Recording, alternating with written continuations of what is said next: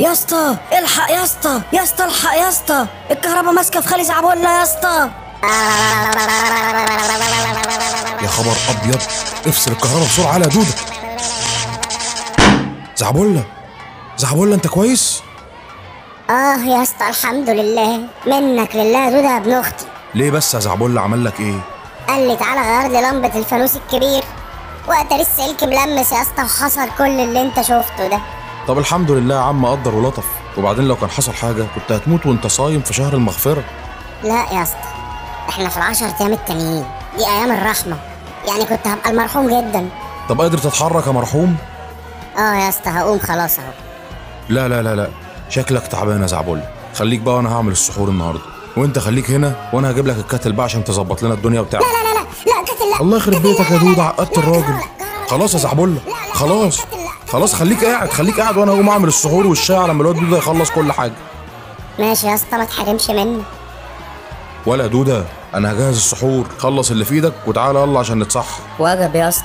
الله يخرب بيت الكهرباء على اللي بتعمله فينا. طب والكهرباء ذنبها إيه بس يا زعبولة أنت يا ابني اللي المفروض تبقى واخد بالك. وبعدين أنت لو عرفت إيه اللي حصل في تاريخ الكهرباء والناس اللي ضيعت حياتها وعمرها عشان الكهرباء عمرك ما كنت هتقول كده ابدا. ناس ضيعت عمرها عشان الكهرباء؟ حصل إزاي ده يعني يا اسطى؟ ماتوا متكهربين حصل إزاي؟ أنت ما سمعتش عن حرب الطيارات قبل كده يا زعبولة؟ لا عارفها طبعا يا اسطى. ده أنا كنت أحرف واحد في منطقتنا في لعبة الطيارات. بس الأتاري باظ بقى وبطلتها خلاص. لعبة طيارات إيه وأتاري إيه بس يا اللي ينتقم منك؟ قوم اتسحر. قوم اتسحر يا زعبولة وبعد كده يحلها الحلاق. ادي قومه يا اسطى.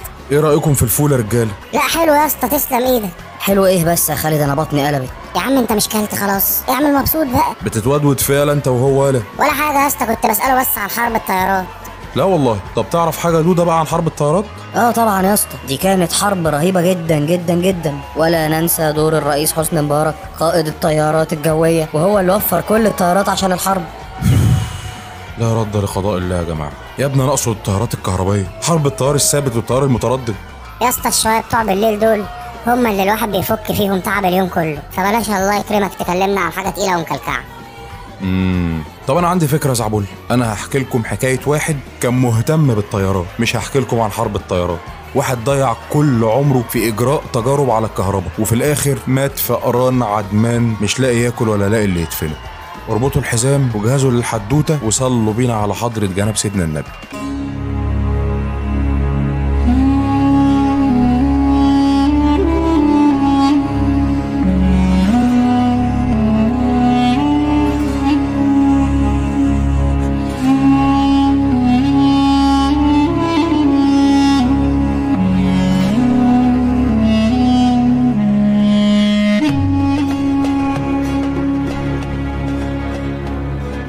حبايبنا الصايمين كل سنة وانتوا طيبين. ويا رب دايما متجمعين وبالصحة متهنيين ومع بعض مبسوطين. ولبودكاستكم المميز دايما متابعين. أهلا وسهلا بيكم في ليلة جديدة من ليالي الموسم الرمضاني الأول لبودكاستكم المميز. وانت لابس السماعات. وفي الدقايق القليلة اللي جاية هتكونوا في ضيافة your host فريد الحاوي. وصديقه زعبلة ودودة. خلوني أفكركم إن إحنا دلوقتي موجودين على Spotify وأنغامي و Podeo و Google Podcast و Apple Podcast و Castbox و Amazon Alexa و MatchMaker FM و Anchor FM. ودي مسؤولية كبيرة جدا وإن شاء الله نكون عند حسن ظنكم. ها صليتوا على النبي يا رجالة.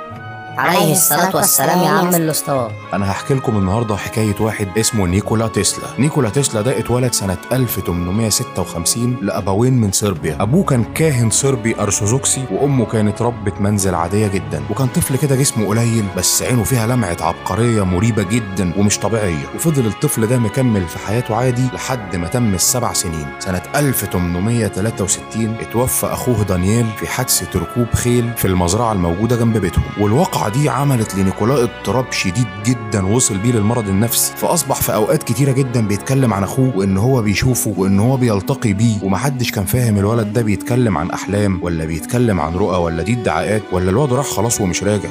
والموضوع ده أصاب أبوه وأمه بالحسرة وما بقوش عارفين يزعلوا على مين. يزعلوا على اللي راح ولا يزعلوا على الواد اللي بيروح. بس استمرت الحياة وقدر نيكولا يتخطى الحادث ده. وبعد كده بدأ يظهر عليه تفوق واضح جدا في دراسته. كان حافظ جداول ولوغاريتمات كاملة في دماغه هو بس. حاجات كانت محتاجة كتب علشان تقدر تسعها وبعد كده درس نيكولا الرياضيات والفيزياء في جامعة جراز للتكنولوجيا. وكمان درس الفلسفة في جامعة براغ. وجمع ما بين أقوى ثلاث علوم على ظهر الأرض الفيزياء والرياضيات والفلسفة. الفلسفة وبدأ يعمل أبحاث واختراعات من سن مبكرة جدا لدرجة إن هو رسم أول مخطط لجهاز الموجات الإلكترومagnetic على الرملة لأنه ما كانش حيلته حتى يجيب حاجة يرسم عليها. وكان الجهاز ده بيعمل بالتيار المباشر اللي كان شائع جدا ومنتشر جدا في الوقت ده. وبسبب نبوغه وذكائه الواضح جدا اتعين في شركة مرموقة وهي الشركة الخاصة بتوماس إديسون بس فرع باريس. مش توماس اديسون ده يا اسطى اللي اللي اخترع لمبة الجاز لمبة الجاز تولع بجاز يا بعيد. لا يا ابني مش هو اللي اخترع لمبة الجاز هو اخترع اللمبة بس ما كانش الموضوع له علاقة بالجاز المهم إن هو اشتغل في الشركة بتاعة الأستاذ لمبة الجاز ده فرع باريس وكان شغال في إصلاح المولدات ذات التردد المباشر. ومع استمرار تفوقه في العمل تم نقل نيكولا تسلا للعمل في فرع الشركة في ولاية منهاتن بالولايات المتحدة الأمريكية. طبعا لما يبقى عندك عامل بالنبوغ والتفوق ده لازم تبقى عارفه بالاسم وعارف قد إيه هو عبقري ومبدع ولازم تعرف تستغله. علشان كده وفي أثناء يوم عمل عادي جدا حصل عطل في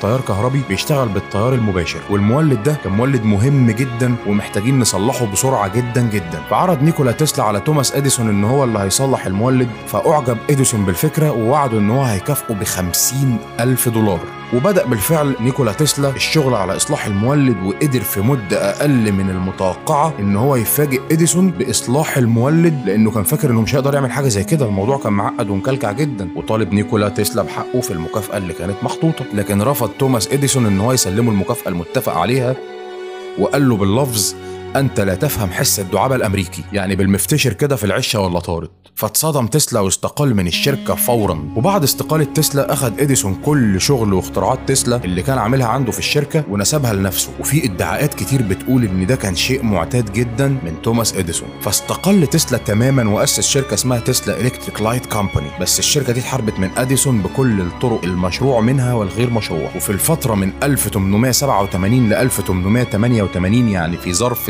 سنة قدر يحصل على 30 براءة اختراع خاصة بالشركة. وتخيل بعد كل الإنجازات دي كان الفشل في ال business هو نصيب مستر نيكولا تسلا وتفلس شركته بشكل عجيب جدا. وفي مرة بقى نيكولا تسلا كان بيقدم محاضرة لعلماء ورجال أعمال بيحاول يدور على حد يستثمر فيه فلوسه. وكانت المحاضرة دي بتتكلم عن التيار المتردد. وأعجب بيه جدا صاحب شركة ويستنج هاوس وعرض عليه العمل معاه وعلى الفور وافق نيكولا تسلا. وساعده صاحب الشركة في إجراءات كتير جدا أدت بيه في النهاية للحصول على براءة اختراع في التيار المتردد وبدأوا ينافسوا أديسون منافسة طاحنة عرفت باسم حرب الطيارات والموضوع وصل بينهم لأن الكلام ده كان بينظر في المحاكم. شوف شوف شوف شوف. يعني أنت يا اسطى قعدت تلف وتدور علشان في الآخر ترجع برضه وتحكي لي حكاية حرب الطيارات اولا يا زعبول حرب الطيارات دي أنا ما كنتش بحارب فيها عشان أتحمق لها يعني. ثانيا بقى دي كلمة اتقالت كده في النص وحاجة مش هنطول عندها خلاص إحنا هنكمل. فخليك راويح كده وعدي الأيام الدنيا صيام. المهم بقى يا رجالة إن صاحب الشركة عمل عقد لتسلا ب 60 ألف دولار ونسبة من المبيعات كانت هتوديه في حتة تانية خالص.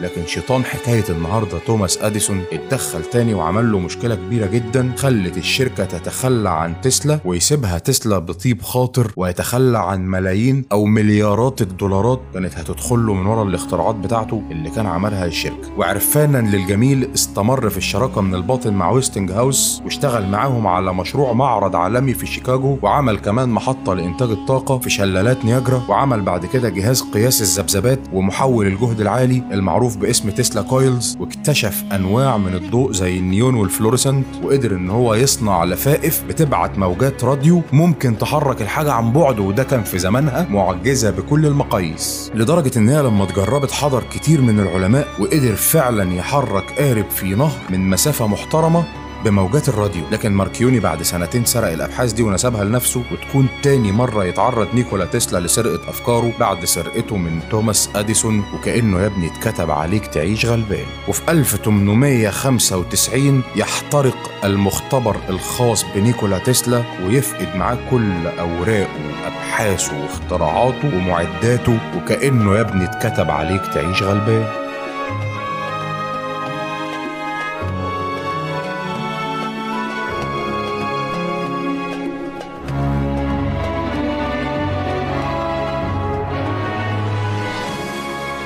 بعد كل اللي حصل ده اتنقل نيكولا تسلا لمدينة كولورادو ومنها لنيويورك وقدر يعمل برج اتصالات بيعمل على نقل الطاقة بشكل لاسلكي ومجاني. والكلام ده كان معناه إن هو هيعادي كل المنتفعين من بيع الكهرباء لكنه قدر يقنع البنكي جون بيربونت مورجان المعروف والمشهور باسم جي بي مورجان إن هو يمول مشروعه وقدر يتحصل منه على مبلغ ضخم جدا 150 ألف دولار كتمويل لمشروع عملاق هيغير شكل الأرض والتاريخ. وبدأ فعلا في مدينة لونج آيلاند إن هو يعمل ابحاثه وتجاربه والمشروع كان معقد جدا. فخلصت الفلوس اللي معاه وطلب من مورجان فلوس تاني لكن مورجان رفض الكلام ده وأقر إن هو هيستثمر فلوسه مع لص الاختراعات ماركيوني وتخلى عن تسلا تماما وقال له بقى ربنا يعوض عليا في القرشين اللي أنا اديتهم لك. لكن تسلا ما يسكتش ويرفع قضية سرقة ضد ماركيوني لأنه استخدم 17 براءة اختراع من بتوعه لكن يتدخل مورجان بنفوذه ويقدر يأثر على القضية وبذلك يخسرها نيكولا تسلا. لكن لأن التاريخ مش عادل أبدا في سنة 1943 تتفتح القضية من تاني ويتم رد الاعتبار لنيكولا تسلا لكنه ساعتها كان فارق حياتنا ودنيانا للأبد. المهم إن في 1912 يعتزل نيكولا تسلا العالم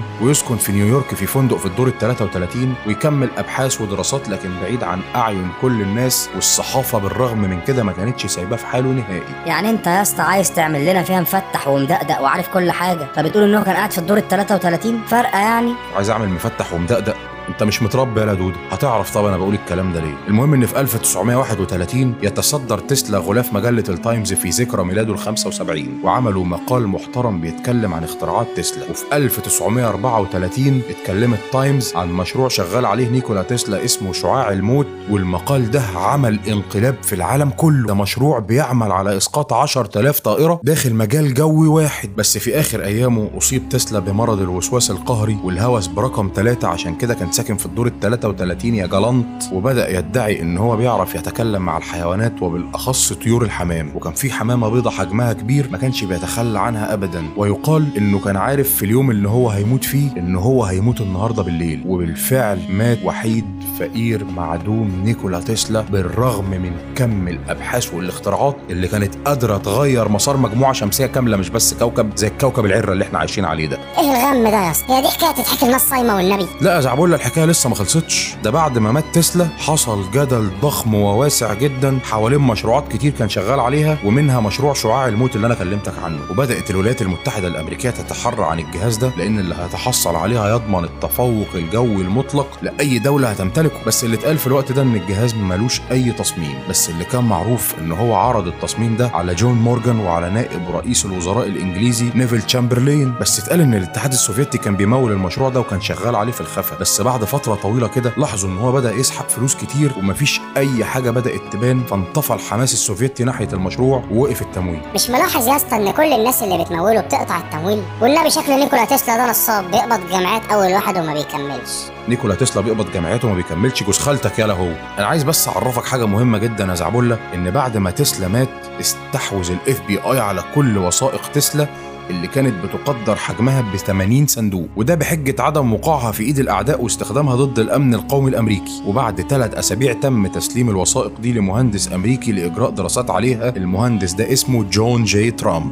وجون ترامب ده بقى يبقى العم الأصغر لدونالد ترامب الرئيس الأمريكي الأسبق. وبعد فترة كده ترامب ده كتب تقرير بيقول فيه إن تسلا كان متأثر بدراسته للفلسفة والمشروع لا يمثل أي خطر على الأمن القومي الأمريكي. لكن الغريب إن بعد الكلام ده كله بفترة قدر جون ترامب إنه يخترع جهاز تصوير بيعمل بالأشعة السينية. وده من الأجهزة اللي كان شغال عليها نيكولا تسلا وما كملهاش. وبعدها بفترة قدر يخترع رادار للرصد بالموجات الكهرومغناطيسية. وطبعا أنا مش محتاج أقول لكم مين اللي كان شغال على المشروع ده قبل ما يقع الورق تحت إيدين جون ترامب النصاب. وقال دونالد ترامب الرئيس الأمريكي السابق إن عمه قبل كده وهو صغير كان كلمه عن الأسلحة النووية ومدى الآثار والتدمير اللي ممكن ينتج من سلاح زي ده. والكلام ده طبعا قبل ما أي حد في الدنيا يعرف بوجوده أو يعرف بماهيته. وقال الرئيس الأمريكي الأسبق إنه شاكك إن عمه عرف الكلام ده من خلال اطلاعه على الوثائق السرية الخاصة بنيكولا تسلا. ودي الوثائق اللي أخفتها السلطات الأمريكية عن كل العوام. وبعد انتهاء الحرب العالمية الثانية بدأ رونالد ريجن في العمل على مشروع الدفاع الجوي الأمريكي يضمن التفوق الجوي المطلق للقوات الجوية الأمريكية في المنطقة وسمى المشروع ده Star Wars أو حرب النجوم وقال إن هو استلهم المشروع ده من مشروع شعاع الموت الخاص بنيكولا تسلا. يا اسطى هو في إيه يا اسطى؟ الدنيا كلها بتتآمر عليه وبتسرقه. يا عم وانت محموق يا عم ما تشنجنيش عليك أنا تعبان يا زعبله أنا بحكي لك يا ابن الحلال اللي اتقال. خد بالك أنا ما قلتلكش كل حاجة عشان أنا عارفك النهارده طالبة معاك بزربنة. طب خد بقى دي. تسلا كان شغال على مشاريع جبارة ومرعبة وعلمية. تسلا كان بيعمل على مشاريع جبارة ومرعبة علميا وتقنيا زي مشروع الانتقال الآني اللحظي وده مشروع أمريكا ادعت إن عندها القدرة إنها تعمل فيه تجربة في فيلادلفيا وفعلا عملت تجربة تقدر تخش تقرأ عنه. وبيتقال كمان إن تسلا قدر يخترع جهاز سماه آلة الزمن وده لأنه كان بيعمل أبحاث عن تأثر الزمان والمكان بالحقول الكهرومغناطيسية. والكلام ده كان سنة 1895 يعني قبل ما أينشتاين يجيب سيرة نسيج الزمكان من أساسه. والعلماء أكدت الكلام ده لأن تسلا في مذكراته كلمة غريبة وعجيبة جدا. قال أنا أستطيع أن أرى الماضي والحاضر وعندي نافذة على المستقبل. ويقال إن تسلا كان شغال على كاميرا بتحول الأفكار لصور مرئية على شاشة تلفاز وإن هو اشتغل على المشروع ده من 1893 لحد لحظة موته. وفي 1933 نشرت مجلة كنساس سيتي جورنال بوست مقال عن الاختراع ده واتكلمت عنه باستفاضة. وكل اللي أنا قلت لك عليه ده زعبلاوي بيحول تسلا لشخص غامض جدا محدش يعرف عنه أي حاجة ولا يعرف أكتر من ربع اختراعاته طب وآلة الزمن دي فين يا اسطى؟ محدش عارف يا دودة بس هم بيقولوا إنها موجودة في مكان اسمه قبو الفاتيكان. مالك مساهم كده ليه يا عم أنت؟ موضوع غريب وعجيب يا اسطى. بس أنت لسه قايل دلوقتي قبل ما أينشتاين يكتشف الزمكان. هو إيه بقى الزمكان ده؟ لا بحكي لك الحكاية دي بعدين بقى عشان أنا فيصت خلاص. وقوم نتكل على الله رجاله تعالى يا زعبول عايزك في كلمة. عيون الجوز ومناخير اللوز. خير يا اسطى. ولا زعبولة. خلي الواد دودة ده يفضل معانا هنا. الواد ده أنا حبيته زي عيالي والله ولو سابنا ومشي أنا هزعل قوي إيه المفاجأة دي يا أسطى؟ خلاص هحاول. بس خد بالك دلوقتي أهلي لازم يوافقوا على حاجة زي كده. الموضوع مش هيقف على قد موافقتي أنا بس. ماشي يا زعزع ما أنا سايبها لك بقى وأنا عارف إنك قدها وقدوم ماشي يا أسطى اتكل أنت على الله. دودة! أيوه يا أسطى. مسا بالخير يا دودة.